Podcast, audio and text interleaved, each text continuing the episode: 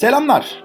Sabancı topluluğu tarafından inovatif zihin yapısına sahip olunmasını temeline alan bir gelişim programı olan XLab süreci kapsamında hayata geçirilen podcast kanalına hoş geldiniz.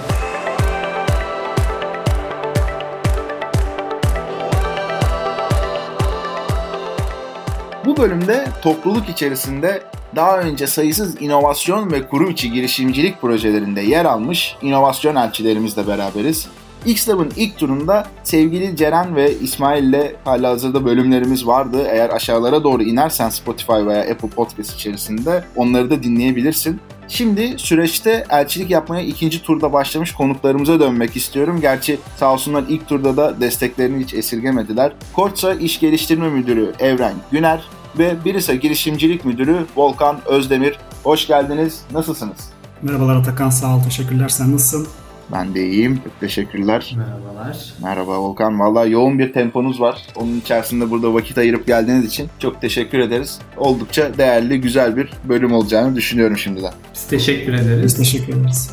Şimdi burada zaten X-Lab sürecinden diğer bölümler içerisinde de bahsediyoruz ama bir yandan hemen bir altını çizmek istediğim bir şey var. Sonrasında sizleri tanımak üzere sözü veriyor olacağım. Burada böylesine büyük topluluklar içerisinde girişimcilik ve inovasyon yapısına böyle hakim sizler gibi elçilerin bulunuyor olması çok çok değerli bir şey. Burada oldukça önemli bir sorumluluğu temsil ediyorsunuz. Bu işin daha da etkin bir şekilde yayılabilmesi, kurumun kulcallarına doğru erişebilmesini sağlıyorsunuz. Bunları gördüğümüze ve duyduğumuza eminim ki hem bizler hem de dinleyicilerimiz çok mutlu oluyorlar. Onun için hem teşekkür ediyorum. Ardından siz neler yapıyorsunuz? Acaba Volkan kimdir, Evren kimdir diye tanımak üzere böyle biraz sosyal hayattan da belki bir iki noktaya değinerek sözü size vermek istiyorum. Volkan istersen seninle başlayalım.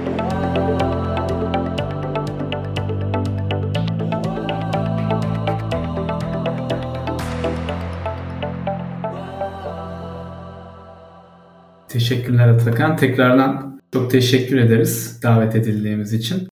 Ben Volkan Özdemir. Birisa Girişimcilik Müdürüyüm. Yaklaşık bir 6-7 senedir Birisa'da görev yapıyorum. Çeşitli farklı pozisyonlarda bulundum.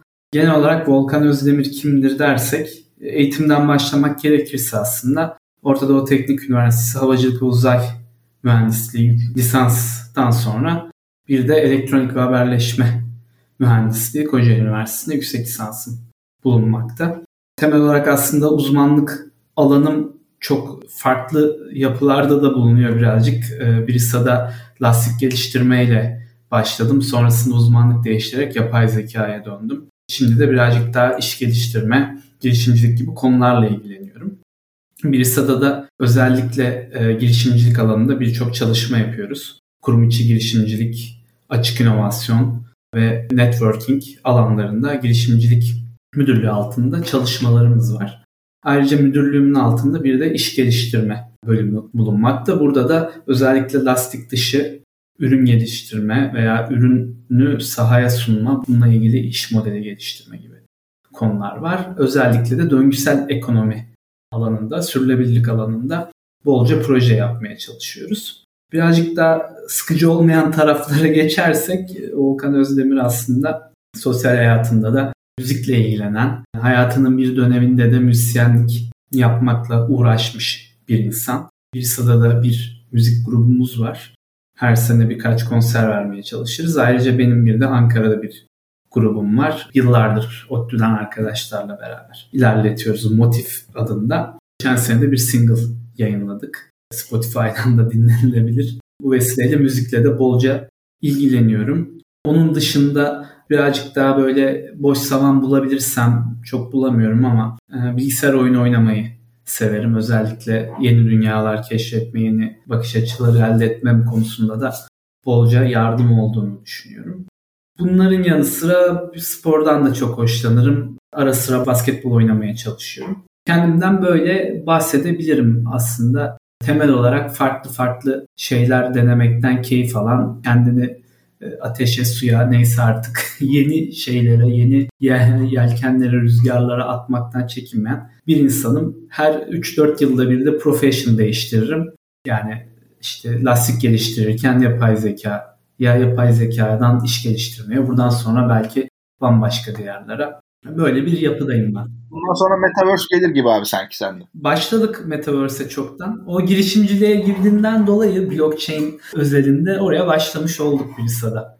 Anladım. Vallahi süper ya. Harika. Yani ben sizleri tabii hani normal iş süreçlerinden tanıyorum ama buradaki sosyal konuların bir kısmını ben de ilk defa duyuyorum. Sen abi Spotify'ın linkini atarsan o şeyi hemen burada bölüm açıklamalarına falan da ekleriz. Bence oldukça keyifli olur yani. Evren buyur abi seninle devam edelim. Teşekkürler Atakan. Evren Güner ben de. Eğitim altyapım kimya mühendisliği, yüksek kimya mühendisiyim. Yaklaşık 13 senedir sanayi grubu şirketlerinden Korsa'da çalışıyorum Sabancı içerisinde. Korsa Global Erge Merkezi'nde proje lideri olarak başlayan kariyerim Şangay merkezli olarak aslında Asya Pasifik pazar geliştirme liderliği. Sonrasında yeni ürün ve global müşteri yöneticiliklerinin ardından şimdi de iş geliştirme yönetici olarak devam ediyor.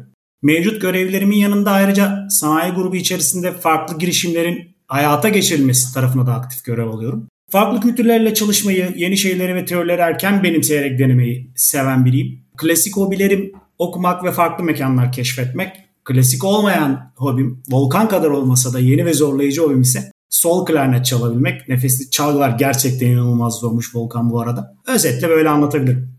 Abi vallahi harikayız. Şuna hep dikkat çekiyoruz aslında. Genelde de bu bir şekilde kendisini doğruluyor. Bir şekilde işin girişimcilik veya inovasyon tarafında böyle işte sizler gibi olaya öncülük eden kişilerle ne zaman konuşsam abi mutlaka arkada farklı bir şey çıkıyor. Ve yani bu sıradan bir şey de olmuyor. Yani işte flüt çalıyorum desen anlayacağım da yani bir de böyle başka da derin bir tarzındasın. İşte Volkan dese ki abi ben işte gitar çalmayı seviyorum. Bir iki arkadaşımızla çalıyoruz anlayacağım onu da ama gidip işin şey tarafında bir de single çıkarttık falan deyince bu aslında işin hep girişimcilik tarafında konuştuğumuz o multidisipliner yapı, o fonksiyonelite gibi konular var ya işin bunların ne kadar uyumlu olduğunu aslında ve ne kadar birbirini de doğruladığını gösteriyor. O yüzden çok sevindim bunları da paylaştığınız için. Teşekkür ediyorum. Şimdi biraz işin X-Step tarafına doğru da yavaş yavaş geçelim.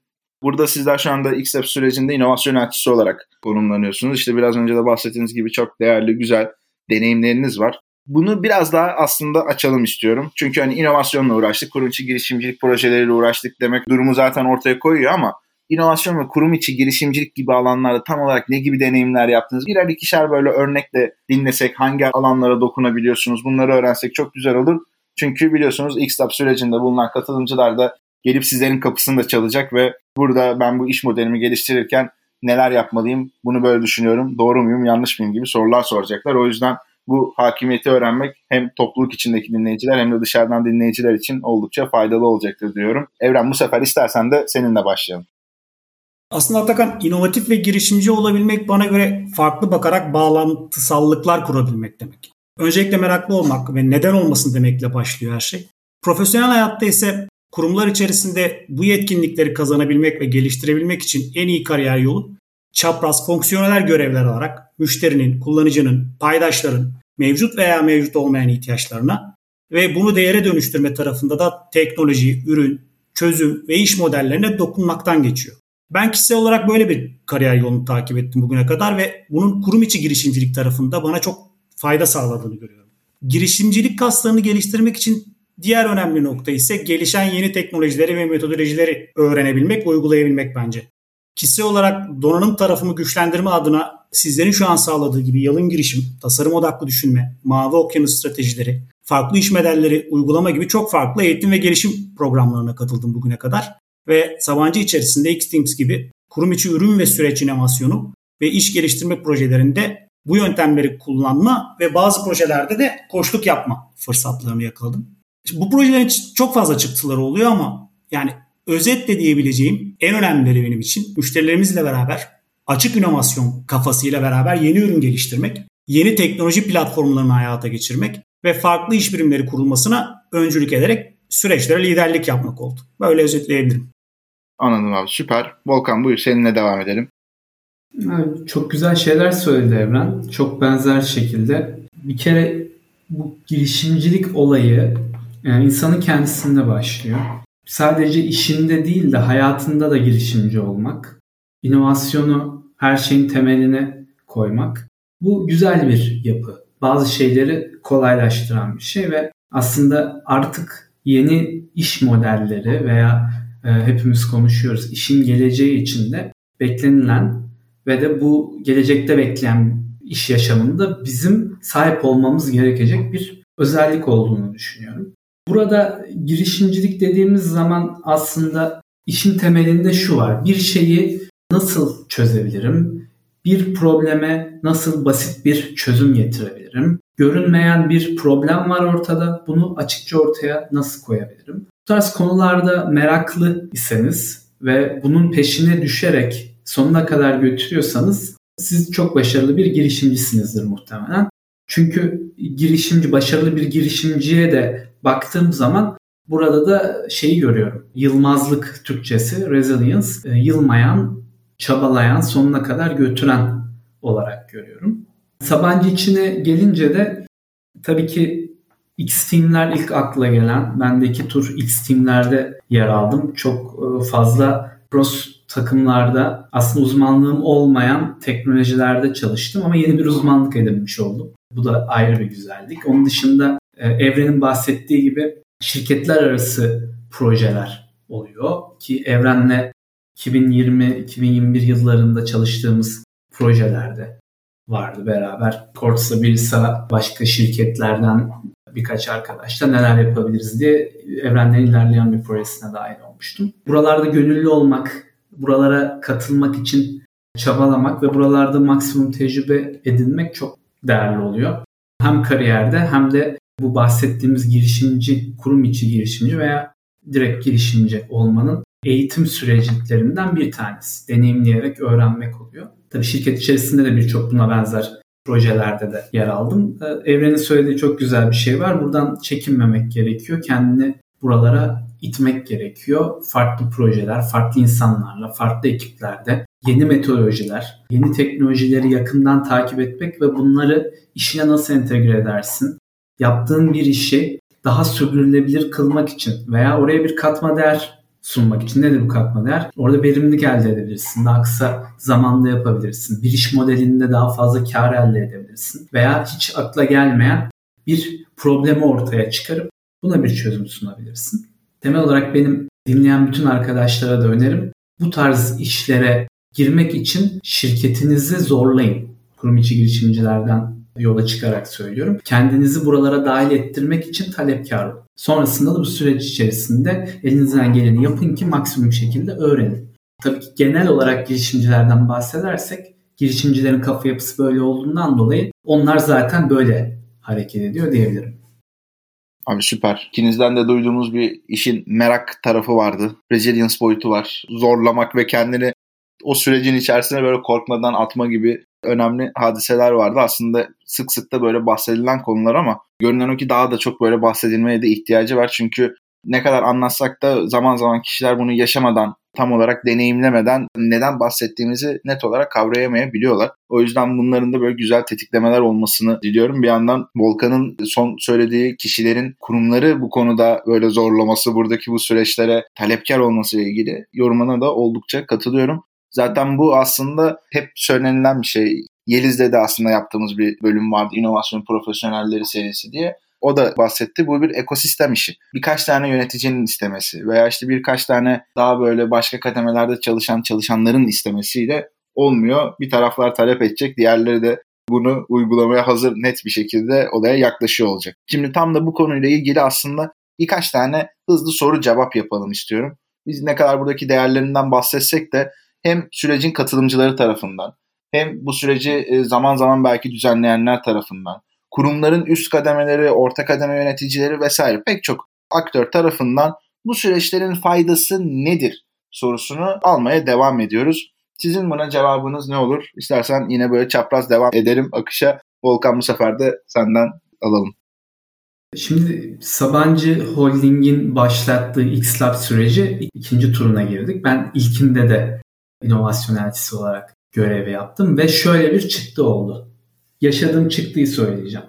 İnovasyon elçisi olarak süreci gözlemleme şansım oldu ama sonrasında özellikle X-Lab'a girmiş, sonuna kadar gitmiş. Yani ne demek sonuna kadar gitmiş? Projesini tamamlamış, tüm süreçleri tamamlamış arkadaşlar ve bunlara ilave olarak bir adım daha giden Ideotan sürecini de tamamlamış. Arkadaşların sonrasında şirkete döndüklerinde işlerine bakış açıları, işlerine ele alış şekilleri ve aslında bizim çalışan arkadaşlarımızdan beklediğimiz girişimci ruhla beraber ortada olan ama kimsenin fark etmediği veya dile getirmediği problemleri doğru tespit edip onlara çözüm geliştirmek için de doğru bir metodolojiyle ilerlediklerini gördüm.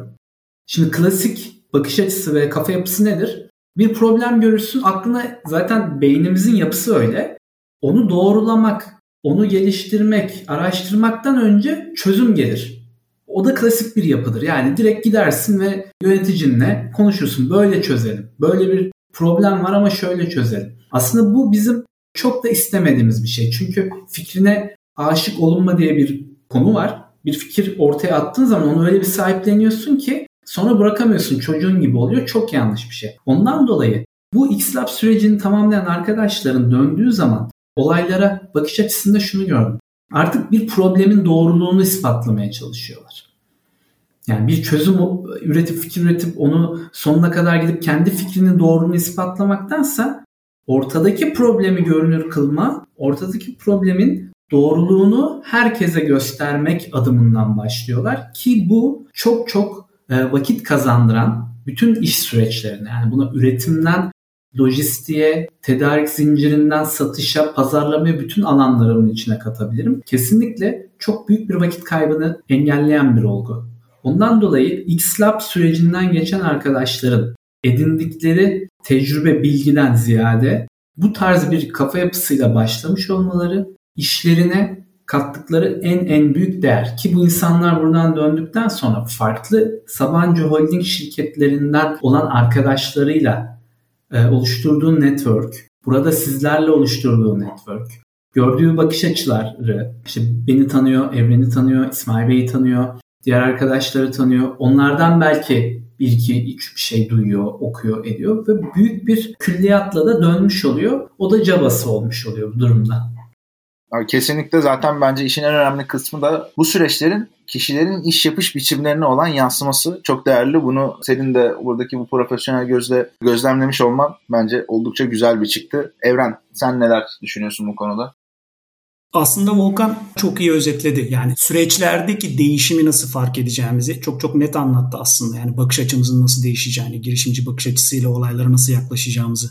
Ben de yani bunun üstüne belki şunu bu inovatif zihin yapısının faydasını belki donanım ve yazılım benzetmesiyle şöyle daha iyi açıklayabilirim. Şimdi bu tarz programlar aslında girişimciliği, girişimciliğinizi hayata geçirmek adına onlara gerekli donanım ile yüklenmelerini sağlayacaklar aslında. Bu kaslar çok çok önemli. Bu kaslara sahip olmak, ilgili araçları, ilgili tool'ları kullanmak. Yazılım tarafında da aslında tüm bu değişim sürecindeki hikayeyi hayata geçirmek adına çakralarını açacaklar. Bu çakra açma çok çok önemli çünkü hani bu programlardan sonra süreçlerinize bakış açınız o kadar değişiyor ki işte gerek problem tanımı olsun Volkan'ın dediği gibi gerek müşteriyle olan iletişiminizdeki yaklaşımınız, ihtiyaçlara dönük bakış açınız bu çakralar açıldıktan sonra çok çok da keyifli bir alana doğru götürüyor. En büyük faydasının bu olduğunu söyleyebilirim aslında bu tarz zihin yapısını güçlendirme adına bu programların. Süper. Aynı zamanda aslında şöyle bir yanı da var işin. O kişilerin bulunduğu takımları için bir faydası var. Bir yandan işte onların bağlı olduğu yönetim kademeleri içinde bir faydası var. Bunların bazen altını çizmek istiyorum çünkü bazen yeteri kadar anlaşılmayabiliyor. İşte çünkü o süreçlerin içerisinde kişiler oldukça yoğun bir emek veriyorlar ve doğal olarak bir yönetici bazen o takımındaki kişinin buraya böyle bir yoğun emek vermesini istemeyebiliyor veya takım arkadaşları bunu istemeyebiliyor ama sizin de bahsettiğiniz örneklerde olduğu gibi bizim sonradan aldığımız geri bildirimlerde de çoğu zaman şunu duyuyoruz. Bu süreç bittikten sonra gittim takımımla beraber ya gelin bunu şöyle değil de bu şekilde yapalım diye konuştuk ve bizim aslında sanki uzuyormuş gibi gözüken iş süreçlerimiz kısalmaya başladı. Çünkü yanlış yerlerde vakit kaybetmeyi bıraktık ve artık işte doğrudan daha böyle sağdan gelen net problemlere odaklanabiliyoruz ve bunu hızlıca deneyip yanılıp test edip ondan sonra son nihai çözüme gidiyoruz ve yöneticileri de aslında ikna etmek için bu süreçlerde hep şunu da anlatıyoruz. Artık şey yapmanıza gerek yok. Gidip ya gerçekten burada benim böyle bir çözümüm var ve bu harika bir çözüm diye anlatmaktan ziyade sahanın gerçek o ihtiyaçlarını getirdiğiniz zaman zaten burada bir evet burada bir konu var konusuna yöneticiler de çok daha rahat bir şekilde işleri huzurlu bir şekilde ikna olabiliyorlar ve süreçler aslında çok daha güzel akıp gidiyor. Şimdi bir diğer bu hızlı soru cevaplarda bir tane daha bir sorun var. Evren hatta yine seninle devam edelim burada. Bu süreçleri verimli geçirmek için işte neler yapmak gerekiyor? Tabii ki e, olaya olan o bağlılık vaktinde gelme gitme vesairesi var ama özellikle kişiler kendilerini nasıl beslemeli aslında biraz daha bunu sormak istiyorum. Senin burada ne gibi tavsiyelerin olur? Bu süreçte aslında bence en kritik şey devamlılık Atakan. Çünkü süreçte eksik bıraktıkları noktaları sonradan tamamlamada istedikleri verimi bazen alamayabilirler. Bir de akıllarına takıldıkları her noktada gerek sizin gibi program sağlayıcılarına gerekse bizler gibi elçilere hiç zaman kaybetmeden danışmalılar diye düşünüyorum. Bu o anda akıllarındaki problemi ya da takıldıkları noktayı çözmek hem süreci hızlandıracak hem daha da verimli geçirecektir diye düşünüyorum. Bir de e, tabii bu süreçte yalnız değiller. Bir sürü farklı katılımcı az önce Volkan'ın dediği gibi farklı şirketlerden, farklı yetkinliklerden katılımcılarla, arkadaşlarıyla beraberler. Belki onlarla farklı paylaşımlar yaparak hızlı cross checkler yapabilirler ve buradan çok değişik bakış açılarını yakalayabilirler ve onların önlerini açabilir verimli geçirmek adına süreci. Hatta hani belki böylelikle ilerideki projelerindeki ya da girişimlerindeki takım arkadaşlarını az önce takımdan bahsettiniz ne kadar kritik olduğundan. Belki de doğal yoldan belirlemiş olacaklar. Aynı şekilde baktıkları e, sürece probleme aynı şekilde yaklaştıkları takım arkadaşlarıyla. Bu noktalar bence süreci verimli geçirmek adına kritik noktalardır diye düşünüyorum. Kesinlikle katılıyorum. Bazen şey olabiliyor ya bunu sorsam yanlış anlaşılır mı diye bizim aslında toplumsal olarak ta o öğrenme sürecimizden gelme. Ya bu, bu sormayayım hadi ya falan diye olan o yaklaşım olabiliyor. Bu hiç bunun yeri değil. Yani kesinlikle hep şeyi söylüyoruz zaten saçma bir fikir yoktur. Hatta bazen saçma olması da iyidir. İşte Einstein'ın çok kullandığımız bir e, meşhur bir sözü var. Bir fikri ilk duyduğunda bir miktar saçma gelmiyorsa o çok da iyi bir fikir değildir der. Dolayısıyla burada soru sormaktan çekinmemek takılınan noktada da tabii ki kendini öğrenmeyi çözmek önemli bir şey. Çok da istediğimiz bir şey bu sürecin içerisinde. Ama bizim orada bir olayı fasilite edip hızlandırabilecek olduğumuz bir nokta varsa da mutlaka orada beraber olmayı çok istiyoruz diyorum. Volkan sözü sana veriyorum. Sen neler eklemek istersin? Ben de şöyle bir ilave yapabilirim. Aslına bakarsanız hayatımızda her zaman böyle öğrenme dönemleri gelmediğini keşfedersiniz. Hani liseden itibaren bakın ne zaman neleri iyi öğrendiniz. Atıyorum çok iyi resim yapmayı. Onu bir dönem ona fokuslanmışsınızdır. Ona çok konsantre olmuşsunuzdur, emek vermişsinizdir ve sonrası aslında çok daha az zaman ayırarak ilerleme şeklinde gitmiştir. İş yaşamında da bakarsanız bu böyle.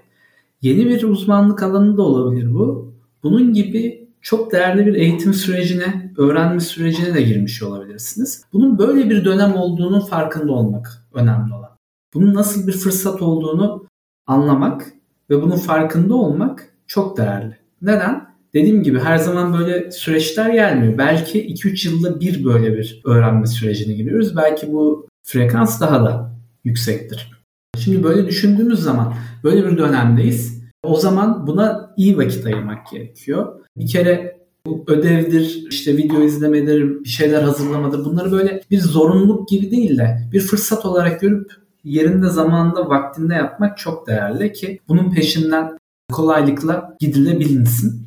Bir ikinci önerim de şu olacak. Mümkün oldukça duyduklarını araştırmaya yönelik gitsin arkadaşlar. Yani bir eğitimde eğer ki bir şeye çok değinilmediyse, o konuda ilgin de varsa ilave okuma, ilave izleme, gidip onu kim biliyorsa ona biraz önce dediğiniz gibi çekinmeden sorma, talepkar olma buralarda çok çok işe yarayacaktır. Yani bu dönemi bir e, hasat dönemi olarak görüp bol bol buralardan işte bakliyat toplasınlar, buğday toplasınlar, arpa toplasınlar, onları güzelce stoklasınlar ki bu eğitim sürecinden sonra onları yiyerek çok çok büyüyecekler.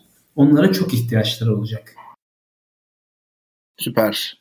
Peki bu süreçlerin aslında zorlu bir yanı olduğundan, insanların bayağı bir vakit ayırması gerektiğinden, katılımcıların bayağı bir vakit ayırması gerektiğinden e, sık sık bahsediyoruz. Burada sizce böyle kritik, özellikle şu konu gerçekten zorlayabiliyor ve bunu da böyle aşabilirsiniz diyecek olduğunuz bir tavsiyeniz var mı? Bu da çok karşılaştığımız bir konu olduğu için aslında sormak istedim. Volkan yine seninle devam edebiliriz. Şimdi geçen seneki tecrübe istinaden ki oradaki o eksik noktaların birkaçını düzelttik. Yani buradaki en önemli şeylerden birisi aslında zaman mehrumu. Birazcık fazla zaman alan bir süreç olduğu aşikar. Ama bunu baştan zaten başvuru aşamasına itibaren bilmek çok kritik. Bunu bir kenara koyuyorum. Burada bir konu üzerine çok böyle bir dikkat çekmek isterim. Şimdi arkadaşlar özellikle eğitimin sonlarında kendilerinin bir projesi olacak veya bir çalışması olacak. Bu bir kurum içi girişimcilik projesi gibi de düşünülebilir. Sonrasında da bir ideaton olacak oraya devam etmek isteyen arkadaşlar. O da birebir aslında buna benzeyen bir süreç. Burada belli bir zaman dilimi içerisinde bir iş çıkarmak, bir konsept geliştirmek ve onu bir doğrulama sürecinin tamamlanması gibi bir beklenti oluyor. Burada şöyle bir şey yaşamak çok normal. Atıyorum 4 haftalık bir süreç içerisinde 3. haftadasınız ve hala şeydesiniz. Ya şu da mı olabilir ya bu da mı olabilir? İşte bir fikir geliştiriyorsunuz diyelim bir çözüm bulmaya çalışıyorsunuz bir problemle alakalı. Tam aslında doğru yere fokuslanamama çok böyle dallanıp budaklanma ama bunu bir yere evriltmeye ve daraltmaya çalışmak bu çok normal. Özellikle son haftalara gelindiği zaman bir stres oluyor. Ve bu bütün kurum içi girişimcilik projelerinde de benzer. Burada bir stres yapılıyor. Aslında bu çok normal bir şey. Bu şu demek oluyor ki bir yere kadar getirdim bu koşuda. Sonrasında belki bir adım daha ilerleyebilirsin. Bunu özellikle söylemek istiyorum. Çünkü ben bunda çok karşılaşıyorum. Bazen konular A konusuyla B konusunun genişliği aynı olmuyor. Bazıları çok daha geniş oluyor ve aynı sürede onu daraltıp bir yere evriltemeyebiliyor arkadaşlar. Bu normal bir süreç. Buralarda da e, şimdiden hazırlıklı olmak lazım. Bu ikisi bence karşılaşacakları zorluklarda önemli maddeler. Süper. Evren sen neler eklemek istersen? Aslında Volkan güzel özetledi ama belki ekleyeceğim bir iki nokta ilaveten şunlar olabilir. Volkan produktiviteyi söyledi. Normalde mevcut işleriyle beraber aslında yoğun bir dönem olacağı için produktivite bence en kritik şey olacak onlar için. Bu yüzden süreç, yaşadıkları süreçlerde hem iş süreçlerinde hem program süreçlerindeki önceliklendirmelerini iyi yapmalılar diye düşünüyorum Atakan. Kritik. Belki hani önceliklendirme kaslarını bile iyileştirebilir böyle bir süreç. Bir de anlaşabilmek ve aktarabilmek aslında problem olacak onlar için. Ya hepimiz için geri geldiğinde sorun bu ama o yüzden her fırsatta akıllarına gelen fikirleri ve öğrendiklerini, işte yaptıklarını farklı paydaşlar ile, kişiler ile paylaşıp test etmelerini öneririm bu zorlukları aşabilmek adına. Hızlı testler her zaman fayda sağlayacaktır onlara. Bazen de yine hızlı pivot etme kararı almak gerekecek ki işin doğasında var zaten. O yüzden hani içgüdülerine güvendikleri anda hiç vakit kaybetmeden pivot edebilirler, pivot kararı alabilirler diye düşünüyorum. Bir de hani Bizde klişedir kültürel gelir zor o işte mantıksız olmaz o iş gibi çok fazla yorumlar da alacaklardır. Bu yorumlar kulaklarını tırmalayacaktır diye düşünüyorum. Bir süre bu algılarını da kapatmalarını öneririm programa katılan arkadaşlarıma. Zaten program sonunda otomatik olarak o kaslarında gelişeceklerini göreceklerini düşünüyorum.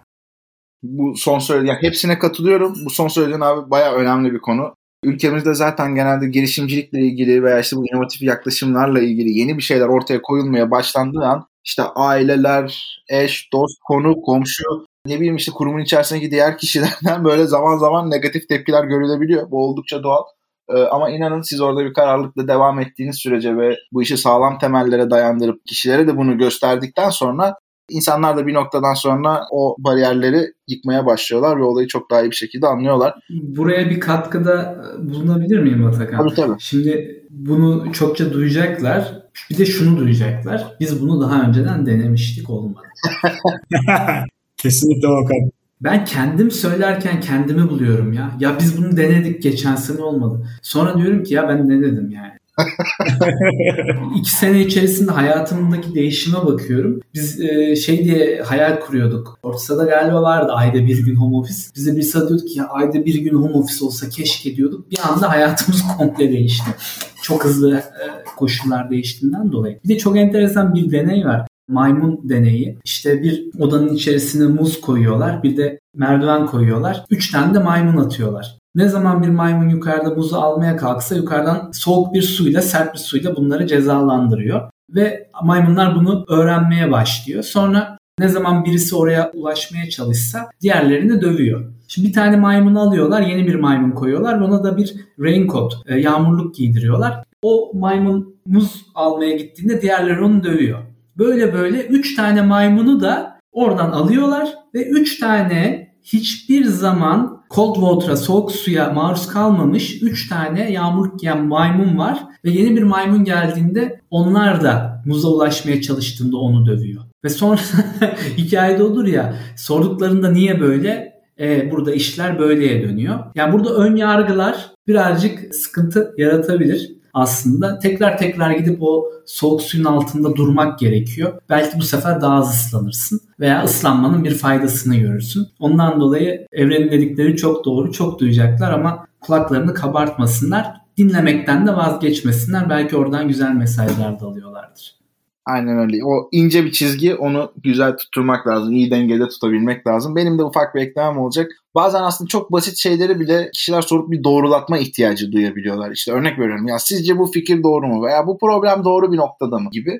Bunlar emin olun bizim cevabını bildiğimiz şeyler değil. Yani bunu ben bilemiyorum. Bunu eğer işin müşterisi olmadığını düşündüğünüz herhangi bir birisi de kalkıp bunu özgüvenle ya evet bu böyledir diye söylüyorsa açık söylüyorum bunu ben söylüyorsam dahi e, biraz önce Volkan'ın söylediği gibi zaman zaman insan kendini o tarz durumlarda bulabiliyor çünkü. İnanmayın. Tamam bunu sağdan doğrulamak gerekiyor. Dolayısıyla bazen şeyin farkındayım işte bütün kurumlar için söylüyorum bunu. Bütün işte girişimciler için söylüyorum. Mentörlerimize, işte oradaki danışmanlarımıza, belki yatırımcılarımıza vesaire bu işe hakim olduğunu bildiğimiz profesyonellere fazla bel bağlayabiliyoruz. Bunu bu şekilde yapmamak lazım. Tabii ki danışmak lazım. Tabii ki o sohbetlerin içerisinde bulunmak ve oradan bir şeyler alıyor olmak lazım ama bunlar doğrudan bir doğrulatma amacıyla olmaması gerekiyor. Ha, sağdan veriler toplanmıştır. Gelip bunları beraber anlamlandırabiliriz. Bu okey. Ama onun dışında süreci böyle biraz daha kestirme taraflara götürmek için yapılan bu tarz doğrulama çalışmaları maalesef çok da verimli olmuyor. Sonradan emin olun sizlerin işini uzatıyor. Çünkü yanlış sonuçlar çıkıyor çoğu zaman.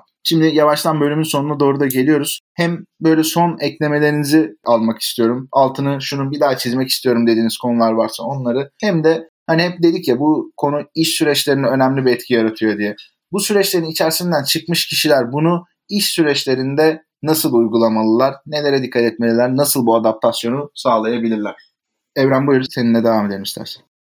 Ya zaten biliyorsun uygulama, execute etme, hayata geçirme en Aynen öyle. önemli yetkinlik. Aslında hani her bir metodolojiyi aracı doğal olarak iş süreçlerini bu yolda öğrenecekleri iş süreçlerini inovatif bir prosese dönüştürecek şeyler Atakan. Öyle olduğunu düşünüyorum. Ayrıca sadece hani e, süreci e, inovatif bir yapıya dönüştürmekten ziyade tüm emeklerini de en doğru şekilde başkalarına aktarma, prezent etme içinde faydalı araçlar. O yüzden çekinmeden yeri geldiğinde uygulamalarını şiddetle tavsiye ediyorum. Yani hani bazen başlangıçta tabii ki tam anlamıyla uygulamada sorunlar yaşanabilirler ama yani kendi işlerinde mükemmele doğru gidecektir süreç. Bir de bazen farklı paydaşlarla anlama ve reaksiyon seviyeleri farklı olabilir. E, bu noktada bocalama yaşayabilirler. Burada da zamanı beklemeden sürekli bir bakış açısıyla bulundukları organizasyonlar içerisinde, takımlar içerisinde doğal bir inovasyon temsilcisi gibi sahiplenip öğrendiklerini kullanmaya devam etmeliler ve, ve e, her fırsatta da aktarmalılar diye düşünüyorum Atakan. Genel anlamda diğer sorduğun hani yetkinlik kazanmak isteyen kişilere bunların dışında ne gibi tavsiyelerim olabilir dersen ya aslında hani bu bir sürekli öğrenerek keşfetme, analiz ve deneyim yolculuğu bir inovatif bakış açısıyla hem profesyonel hayatta hem kişisel hayatta ilerlemek. Bence bağlantısallık ve empati, ihtiyaçlar, sorunlar bunları hayatlarının merkezine alıp merakla bunu sürdürülebilirlerse çok keyifli hissedeceklerini düşünüyorum. Hani bu geliştirdikleri felsefe onlara yaptıkları her işte kendileri ve organizasyonları için anlamlı çıktıları da götürecek başarı ve mutluluk getirecek diye inanıyorum. Yeter ki kolay pes etmesinler. En kritik nokta kolay pes etmemek. Bence inovatif bakış açısının da en büyük bariyeri aslında kolay pes etmemek. Böyle özetleyebilirim. Süper abi. Sözü Volkan'a verirken aslında Volkan başta altını çizmişti. Sen de şimdi değindin. Bu işleri gerçekten hayatımıza adapte etmek. O süreçlerin içerisine bir gerçekten yaşam felsefesi gibi oturtmak çok önemli bir şey. Bununla ilgili şu tarz şeyleri duyuyoruz. Okudukları zaman, dinledikleri zaman kendileri de fark edeceklerdir. Ya ben bebeğimin bile yaşadığı bir probleme o acaba gerçekten bunu yapmasının sebebi nedir diye arka plandaki sebepleri arayıp çok daha kolay çözümler getiriyorum. Veya işte başka aile hayatında, sosyal hayatındaki konuları da çok daha yenilikçi bir e, şekilde yapabiliyorum ve bunun da çok pozitif etkilerini görüyorum diyen o kadar çok insanla karşılaşıyoruz ki Gerçekten önemli bir konu. İkinize de hem başta hem sonunda altını çizdiğiniz için de teşekkür ederim. Volkan evet buyur. Son sözü de sana veriyoruz. Ardından minik bir kapanış yapıp bitireceğiz. Teşekkürler. Ya her şeyden önce bu çok keyifli bir yolculuk. X-Lab süreci. Arkadaşlara bu yolculukta keyif almalarını, keyifle ilerlemelerini ve bol bol tecrübe etmelerini öneriyorum. Çünkü günün sonunda akılda o tecrübe kalmış oluyor. Geri döndüklerinde de işlerine bakış açıları değişmiş olacak. Ama bizim onlardan en büyük beklentimiz XLab kurulmasındaki ardındaki mantık da o. İşlerine, ekiplerine, arkadaşlarına bu öğrendiklerini yaymaları, onlara ilham vermeleri ve öğrendiklerini paylaşmaları. Ki bu sayede çarşıdan aldım bir tane eve geldim bin tane olacaktır. Bunun yanı sıra bol bol soru sormayı ihmal etmesinler, araştırmayı ihmal etmesinler, bizleri e, kullanmayı ihmal etmesinler. Her zaman bir maille bir telefonla uzaklarındayız. Beraber öğreniriz en kötü. Çünkü biz de her şeyi bilmiyoruz ama nasıl öğrenebiliriz belki onu biliyoruzdur. Hep beraber beraber öğreniriz. Beraber bir şeyleri inşa etmiş oluruz. Bu süreçten bol bol keyif alsınlar. Ben de son olarak bunları söylerim. Size de ayrıca teşekkür ederiz. Ne demek biz teşekkür ederiz. Valla benim için de keyifli bir bölüm oldu. Güzel yorumlar duymuş oldum. İyi hikayeler de dinlemiş oldum. Özellikle sizlerin bu sosyal hayatından e, duyduğum yaptığınız güzel işleri de ayrıca bir kenara da not aldım yani. Bunların bazılarını e, bölüm açıklamasında da paylaşıyor olurum. Linki bekliyorum Volkan. Tekrardan ağzınıza sağlık diyorum. Teşekkür ederiz. Bu güzel bir süreç. Biraz emek istiyor gerçekten ama bu maalesef böyle emek vermeden e, yeni şeyler kazanılmıyor, yeni yetkinlikler edinilemiyor maalesef.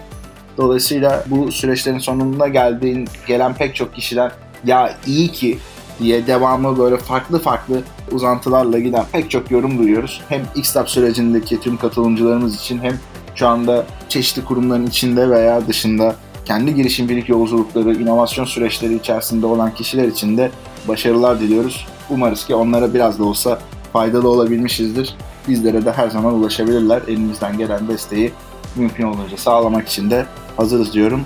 Ve bir sonraki bölümde görüşmek üzere. Yeniden görüşünceye dek kendine çok iyi bak. Sağlıkla, heyecanla ve bölümünde pek çok yerinde geçtiği gibi merakla kal diyorum. Görüşmek üzere.